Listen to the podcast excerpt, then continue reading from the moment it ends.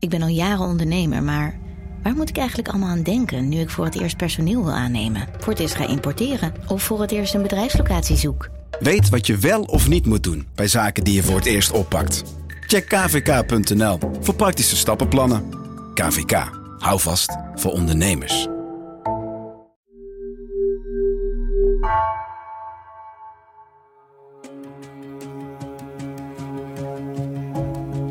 Beste heer Koppen, bij deze wil ik u verzoeken om uw assistentie.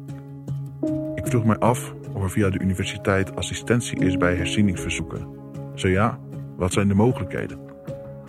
Ik ben Antonio en veroordeeld in de zogeheten Maastrichtse loodsmoord. Ik zit gedetineerd vanaf 2012. De straf die mij is opgelegd is 23 jaar en 3 maanden.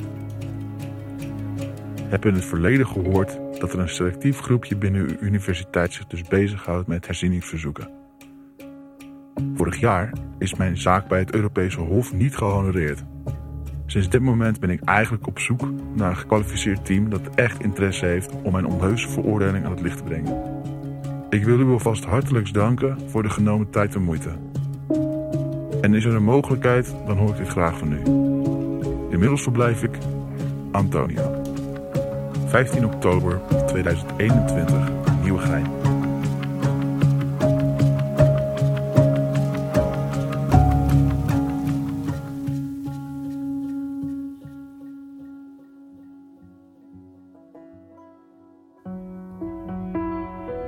Onder station Zuid door ga je langs de spielkantoren van de Zuidas. Vlak daarna doemt een grijs massief gebouw op. De Vrije Universiteit Amsterdam, de VU. Binnen sluiten tientallen studenten gelaten aan in de rij voor ze zich een stampvolle lift inproppen. Op een van de etages is een uitgestorven plek te vinden, waar alleen een paar monteurs vrijwel permanent aan de lift sleutelen. Daar kun je met een speciale pas een gang in, waardoor de bruine smoezelige ramen heen de skyline van Amsterdam-Zuid te zien is. En hier, achterin die gang, bevindt zich een bedompte kamer. Er is geen ventilatie, condens zit op de ramen en schoonmakers komen hier duidelijk ook nooit. Dit is het hok van elf studenten die meewerken aan het project Gereden Twijfel. In het hok staat niet alleen een lange vergadertafel, maar ook een kluis. Een kluis met een gecodeerde USB-stick. Wat er op die stick staat? Het dossier waar het in deze podcast allemaal om draait. Het strafdossier van de Maastrichtse martelmoord.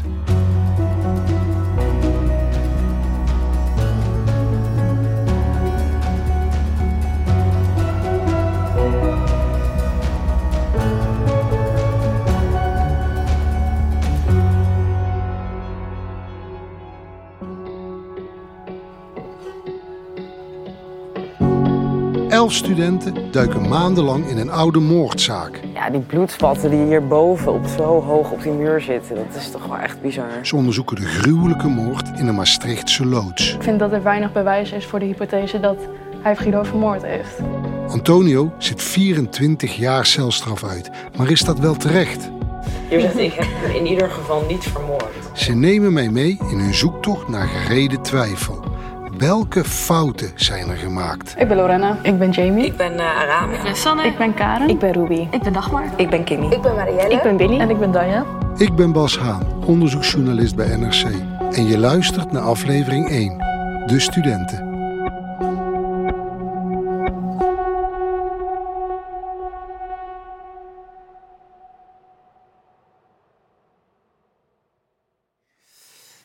Hey, zullen we de lijst gewoon doorlopen van boven naar beneden voor de sollicitanten? Eva, jij hebt met afstand de meeste mensen gesproken en je hebt in ieder geval de...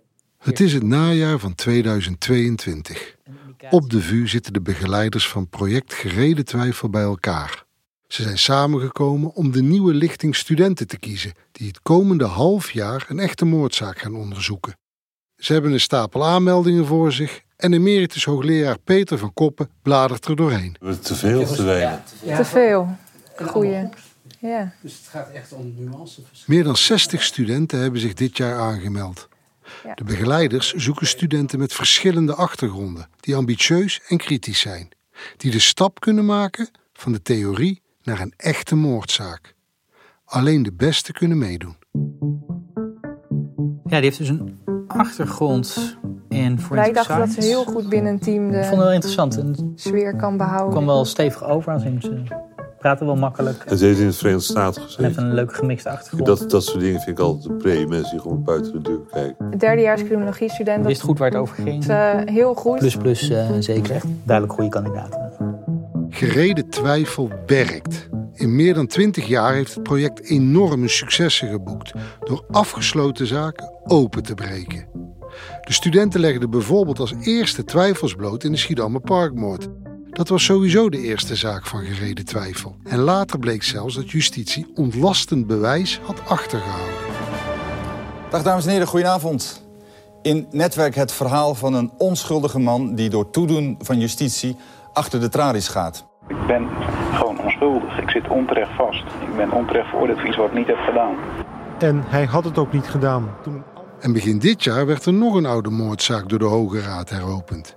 Weer dankzij het werk van studenten van gereden twijfel. Na de Puttense moordzaak, de Schiedammer Parkmoord en de zaak Inapost is Nederland een nieuwe gerechtelijke dwaling rijker. Een man heeft voor de Rosmalense flatmoord 14 jaar onterecht vastgezeten. Het gerechtshof in Arnhem heeft Rob B. vrijgesproken. Ook nu selecteren de begeleiders precies die studenten die in staat zijn om een mogelijke rechterlijke dwaling te herkennen. Wie is er geschikt? Het stapeltje aanmeldingen slinkt, tot er elf overblijven. Deze studenten krijgen een mailtje.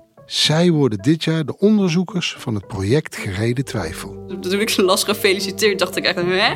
Ik was echt super blij. Ik denk dat ik echt gelijk iedereen in mijn familie heb gebeld. Ik heb er eh, heel veel zin in. Ik ben super benieuwd ook wie de, wie de andere kandidaten zijn. En eh, natuurlijk heel erg naar de zaak en, en de begeleiders. Ja, het was ook heel spannend, want ik wist ook helemaal niet hoeveel mensen zich hadden aangemeld en hoeveel mensen überhaupt aangenomen zouden worden. Ik wist wel ongeveer tien en dat het ook heel selectief was. Ik dacht van, ja weet je, niet geschoten is altijd mis. Maar ja, nu zit ik hier.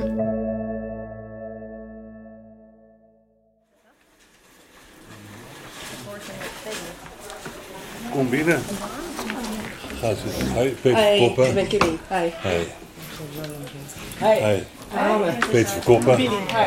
We gaan nog een voorstelrondje doen hoor. Dus je moet alle namen in één keer onthouden. Ik ben Arame Keuker en ik ben een van de elf studenten van eh, Gereden Twijfel. De eerste dag was eh, best wel een beetje spannend. Ik weet nog dat ik eh, de lift naar boven nam. En dat ik hem in een gang terecht kwam waar je eigenlijk niet zoveel zag. En ik wist dat ik rechts door de zwarte deur moest. En eh, toen ik daar binnenkwam in het achterste lokaal zat, stonden en zaten al wat mensen. Over vijf minuten.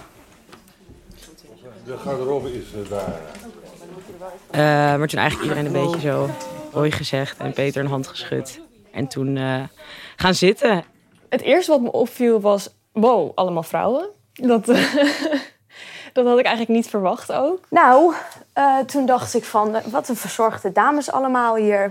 Eh, ja, heel netjes was iedereen ook. Eh, en verder vond ik het eigenlijk een hele relaxte sfeer. Wel, ik voelde wel de spanning bij iedereen, maar... ehm, ja, Peter die zat zo achterover een beetje op zijn telefoon te kijken. Volgens mij en af en toe zei hij een zinnetje tegen iemand naast hem. En dan, dat, was, dat, dat voelde al zo relaxed eigenlijk. Dat ik dacht van, nou, dat, dat komt wel goed. Maar volgens mij kwam ik op hetzelfde moment als Arama aanlopen. Dus toen zijn we samen zijn we hier naar binnen gegaan. Gelukkig stond de deur open. Want normaal zit hier altijd de deur op slot. Omdat nou, er liggen dossiers en zo. Ehm, en toen kwamen we binnen en dan zat Peter. Die zit er aan zo'n tafel. En dan kijk ik en denk ja, dit is vrij intimiderend. Dat ze moeten opschuiven.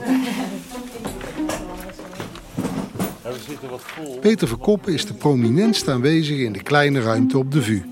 Hij is groot, heeft een scherpe tong en is streng, maar wel met humor.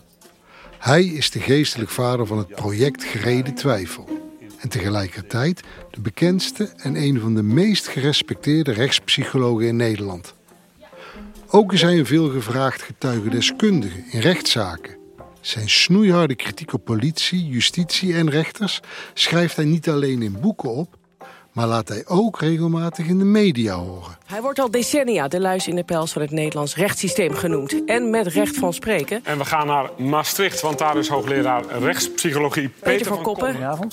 speelde een belangrijke rol bij het oplossen van verschillende strafzaken. Ook expert in cold cases, dan, dan denk ik, dan maakt uh, uw hart een vreugdesprong. Het is twintig jaar geleden dat Van Koppen en ik elkaar leerden kennen. Ik als televisiejournalist, hij toen al als wetenschappelijk onderzoeker naar strafzaken. We werkten samen in onderzoeken naar de Deventer-moordzaak en de Schiedammer Parkmoord. Nu treffen we elkaar weer. Na twintig jaar kijk ik van dichtbij mee met zijn studenten bij wat eigenlijk al decennia de kern is van zijn werk: de zoektocht naar gereden twijfel. En elke keer weer stelt Van Koppen met zijn studenten dezelfde vraag. De vraag die wij proberen te beantwoorden is: was er voldoende bewijs om te veroordelen? Wat ik belangrijkst vind is dat er een hele gedegen wetenschappelijk verantwoorde analyse van die zaak gemaakt wordt. En uh, het eindresultaat uh, uh, maakt niet uit. Sterker nog, vaak beginnen studenten aan het project met het idee van... nou, we gaan nu bewijzen dat iemand onschuldig is. Ik zeg, nee, dat gaan we niet doen. We gaan een goede analyse maken. En als eruit komt dat we stevige argumenten hebben... omdat iemand onschuldig is, dan schrijven we dat ook op. Maar die analyse is vooral het belangrijkste. En dat is voor veel studenten die meedoen een uh, verrassende mededeling. En uiteindelijk zijn we, zijn we gaan zitten en toen kregen we heel veel introductie. En uh, iedereen vond het nog wel wat spannend om, uh, om iets te vragen of te zeggen tussendoor. Dus eigenlijk is uiteindelijk Peter van Koppen het meest aan het woord geweest, geloof ik. Mijn naam is Peter van Koppen. En de, deze groep gaat begeleid worden door Jasper en mij. Annelies zal er met enige regelmaat bij zijn, Eva ook. Wat we gaan doen, is u gaan dat dossier lezen. Daar krijg u twee weken de tijd voor. Maximaal. je kan hier s'nachts doorwerken als je kan dat eigenlijk. Nee, oh. wel s'avonds. Tot 11 uur s'avonds. Tot 11 uur s'avonds. De bijeenkomsten beginnen eigenlijk heel simpel. Jasper en ik komen binnen. Daar hebben jullie gezorgd dat de koffie is. Bij voorkeur ook met een koekje erbij. En dan, uh, dan is de, de, de eerste vraag die we stellen, nou vertel maar. Het onderzoek duurt meer dan een half jaar, fulltime. Uiteindelijk schrijven de studenten een boek onder supervisie van de begeleiders. Het gaat hier niet om uh, hiërarchie of autoriteit. Het gaat hier om uh, uh, de goede analyse en de beste argumenten. Dus kritisch worden, zoals je zegt, is ook kritiek krijgen. Uh, als jullie vinden dat ik dat onaardig doe, moet je dat vooral zeggen. Lul, hou je kop. Dat mag je zeggen tegen mij. Uh, en ik op college moet je niks u tegen me zeggen, maar hier niet dus. Dus gewoon Peter en je hebt ongelijk.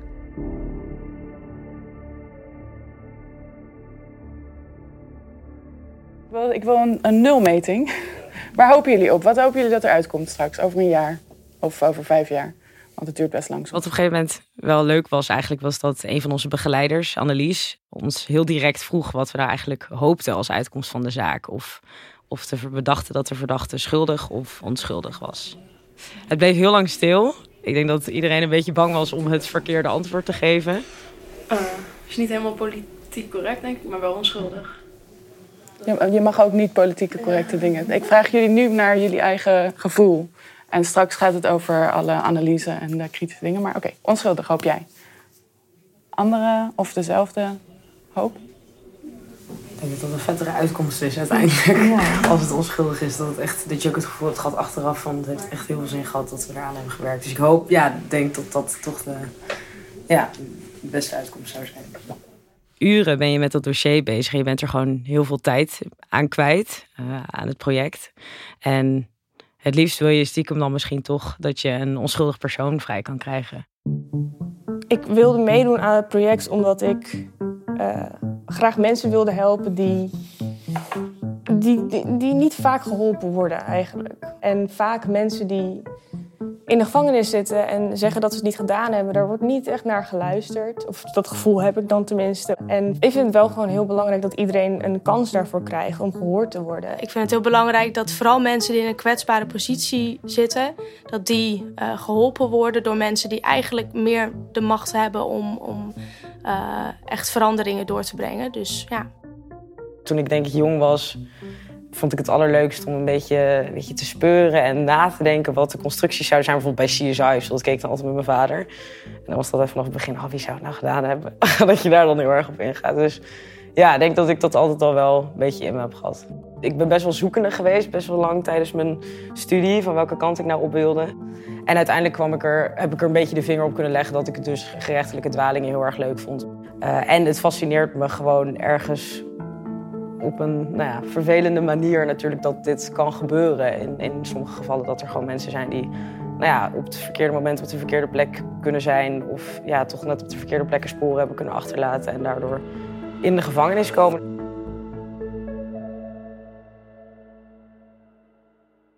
Dan is het zover. De studenten krijgen te horen welke zaak ze gaan onderzoeken. En dan gaat Eva jullie vertellen welke, welke zaak wij gaan doen. Um, ja, jullie gaan onderzoek doen naar de zaak die in de media ook wel de Maastricht.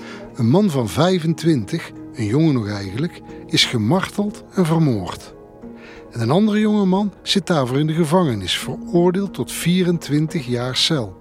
Het gaat om de Maastrichtse martelmoord, ook wel bekend als de Maastrichtse loodsmoord. Gisterochtend is er een stoffelijk overschot aangetroffen. De politie uh, vermoedt nog steeds dat het om de vermiste Guido gaat. Het is een gruwelijke zaak, de zogenoemde loodsmoord in Maastricht. Guido het wijk bij Duurstede bloedde eind 2012 dood nadat hij urenlang was mishandeld. Daarna werd zijn lichaam in brand gestoken. Zijn vriend Alberto T. zit al zo'n anderhalf jaar in de cel. Volgens het Openbaar Ministerie heeft hij de moord gepleegd. Een opvallende strafeis in een gruwelijke moordzaak. Tegen Alberto T. is 20 jaar cel geëist in de zaak van de Maastrichtse loodsmoord. Gaat het pittig aan toe. De advocaat verwijt het Openbaar Ministerie hier tunnelvisie.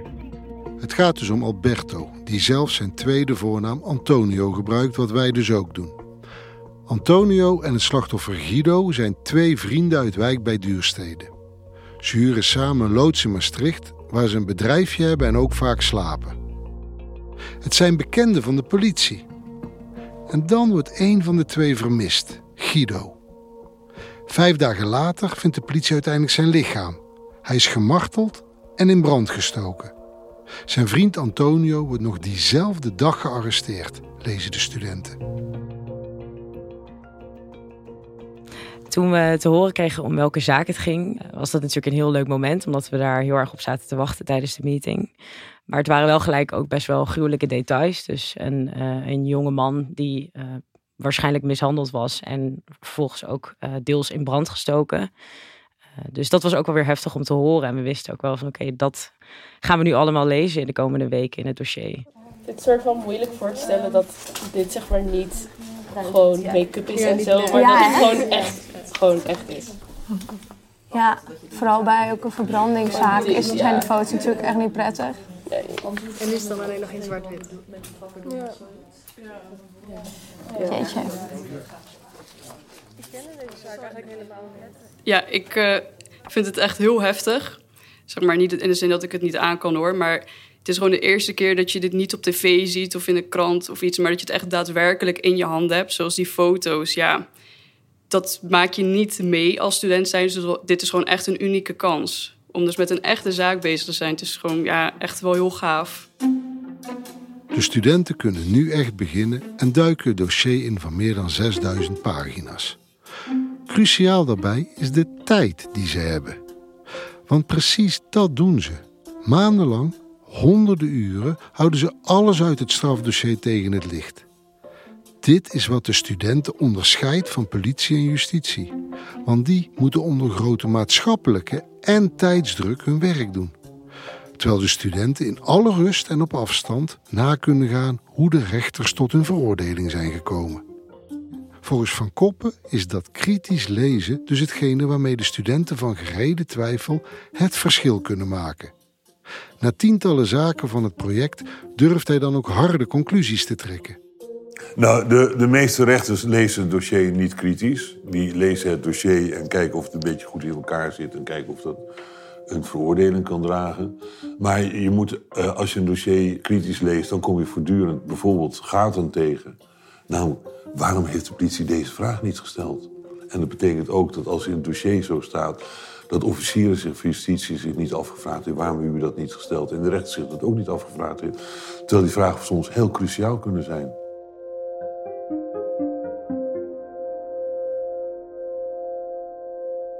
Want ik had gisteren, was ik hier aan begonnen, toen dacht ik echt, wat de fuck is er eigenlijk gebeurd? Ja. Maar, Maar alle mediaberichten of zo, dat heb ik allemaal... eh, Niet gedaan. Nee, Oh, nee, ik ook want niet. dat dacht ik van ja, dat, dat gaat denk ik zo vol met oordelen zitten en alles. Dat ik dacht van dat... Ik ja, eh, zag die koppen al dan stond Ja. er smerige moord, dit, dat. En ja, ja, dat ik dacht van... Eh, de eerste paar dagen, de eerste paar weken, moesten we eh, ons volledig in het strafdossier gaan storten. We zijn gewoon alleen maar gaan lezen en gaan lezen en we wilden steeds meer weten. Dus eh, ja, echt volledig full focus daar, eh, daarop gezeten. Ehm, want we moesten natuurlijk ons hele onderzoek daarop baseren. En dat ging eigenlijk moeiteloos, want het was zo interessant en iedereen wilde steeds meer informatie hebben. Dus we hebben elkaar de eerste week ook helemaal niet leren kennen, volgens mij. en gewoon alleen maar eh, gelezen. Wat had hij nou ook weer gezegd over hoe hij de maandag de tiende naar Maastricht gekomen? Volgens mij gereden. Gereden? Oh ja, want hij zegt hier met eh trein, maar weet ik niet zeker. En toen we de uitspraak van de rechter lazen, toen kwam Antonio er eigenlijk niet heel goed uit. Toen las ik heel veel dingen dat ik dacht van, jeetje, ja, ik snap wel dat, dat mensen hem verdacht hebben, zeg Ja, ja, maar. ja. En toen ben ik inderdaad ook gestopt. Toen we verder gingen lezen, toen kwamen we er eigenlijk achter dat Antonio heel eh, wisselend heeft verklaard. Dus hele tegenstrijdige dingen heeft gezegd. Ik krijg langzaam het idee dat hij hier heeft, dat hij langzaam is aan het bekennen, omdat hij het allemaal niet meer zit, ziet zitten. Omdat hij zegt, ik ben gewoon blij dat ik tussen de twee muren zit. Ja, Mag ik naar de gevangenis? Ja. Allemaal Ja. dat soort dingen zit hij nu te roepen. En soms dan was hij eh, heel wel bespraakt en dan kwam, was hij heel netjes en dan wilde hij eh, nou ja, eigenlijk heel veel vertellen. En het andere moment dan zei hij eigenlijk helemaal niks en dan zei hij telkens ik plicht me op mijn zwijgrecht. Dat was ook nog wel interessant. Eh, maar wat ook heel erg opviel was dat hij met name in de eerste eh, verhoren heel angstig leek. En dat hij zich toch veiliger voelde in de gevangenis. Nu zegt hij, zegt die dingen, ga jij de straf helemaal op je nemen of moeten wij andere mensen gaan halen? En dan staat erbij, verdachte zit met de hand voor zijn voorhoofd en trilt. En dan zegt hij, ik weet niet meer of ik nog in die wereld... Wacht, wat zei Ik wil niet meer in die wereld terechtkomen. Ja. Ik wil er niks meer mee te maken hebben. Nee, dus hij is Ik gewoon denk- super bang. Hij Hij wordt is dus echt nog bang. bedreigd. En hij wil dus gewoon, volgens mij wilt hij oprecht op dit moment... Ehm, dus dat ja, viel wel heel erg op eigenlijk. Al in de eerste week bij het lezen van de stukken stuitte de student op iets dat wringt. Het gaat om Antonio zelf. De twintiger is geboren in Panama, maar kwam als kind naar Nederland en woont in het slaperige wijk bij Duurstede. Hij is een grote, stevige, dominante jongeman. Wat er precies wringt tijdens het lezen, is de inhoud van zijn verklaringen.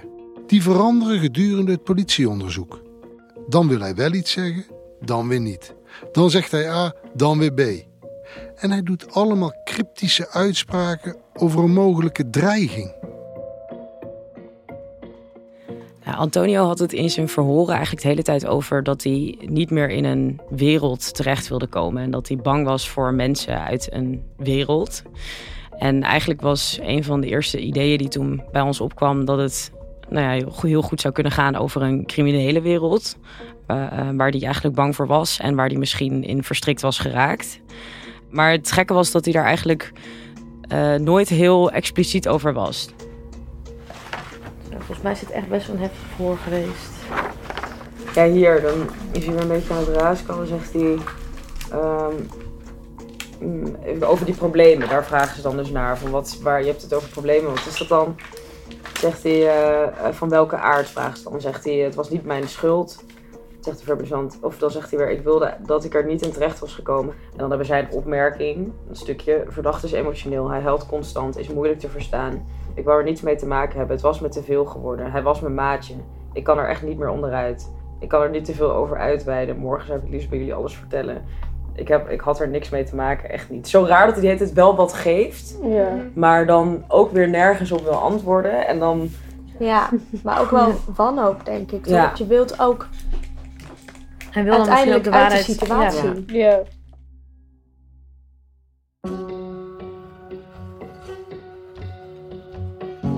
Hoe meer de studenten in het dossier lezen, hoe meer vragen ze krijgen. Waar heeft Antonio toch steeds over in zijn verhoor? En waarom wisselen zijn verklaringen zo? Er, er zitten wel echt wel zwarte vlekken op dit dossier.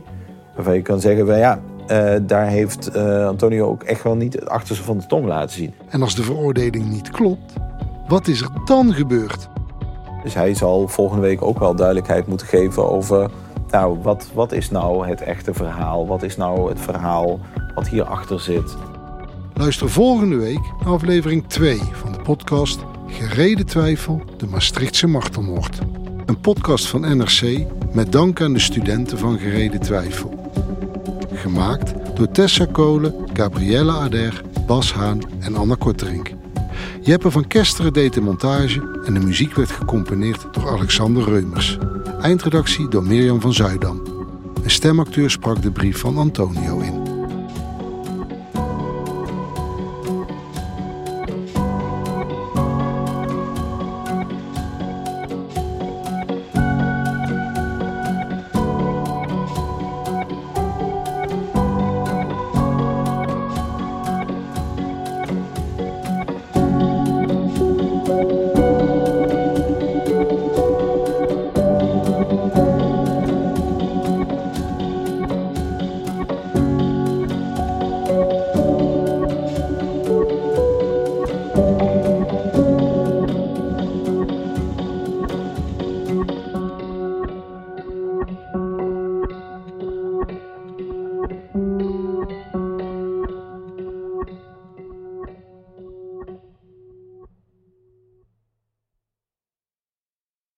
Technologie lijkt tegenwoordig het antwoord op iedere uitdaging. Bij PwC zien we dit anders. Als we de potentie van technologie willen benutten, kunnen we niet zonder een menselijk perspectief. Human-led, tech-powered noemen we dat. Ga naar pwc.nl.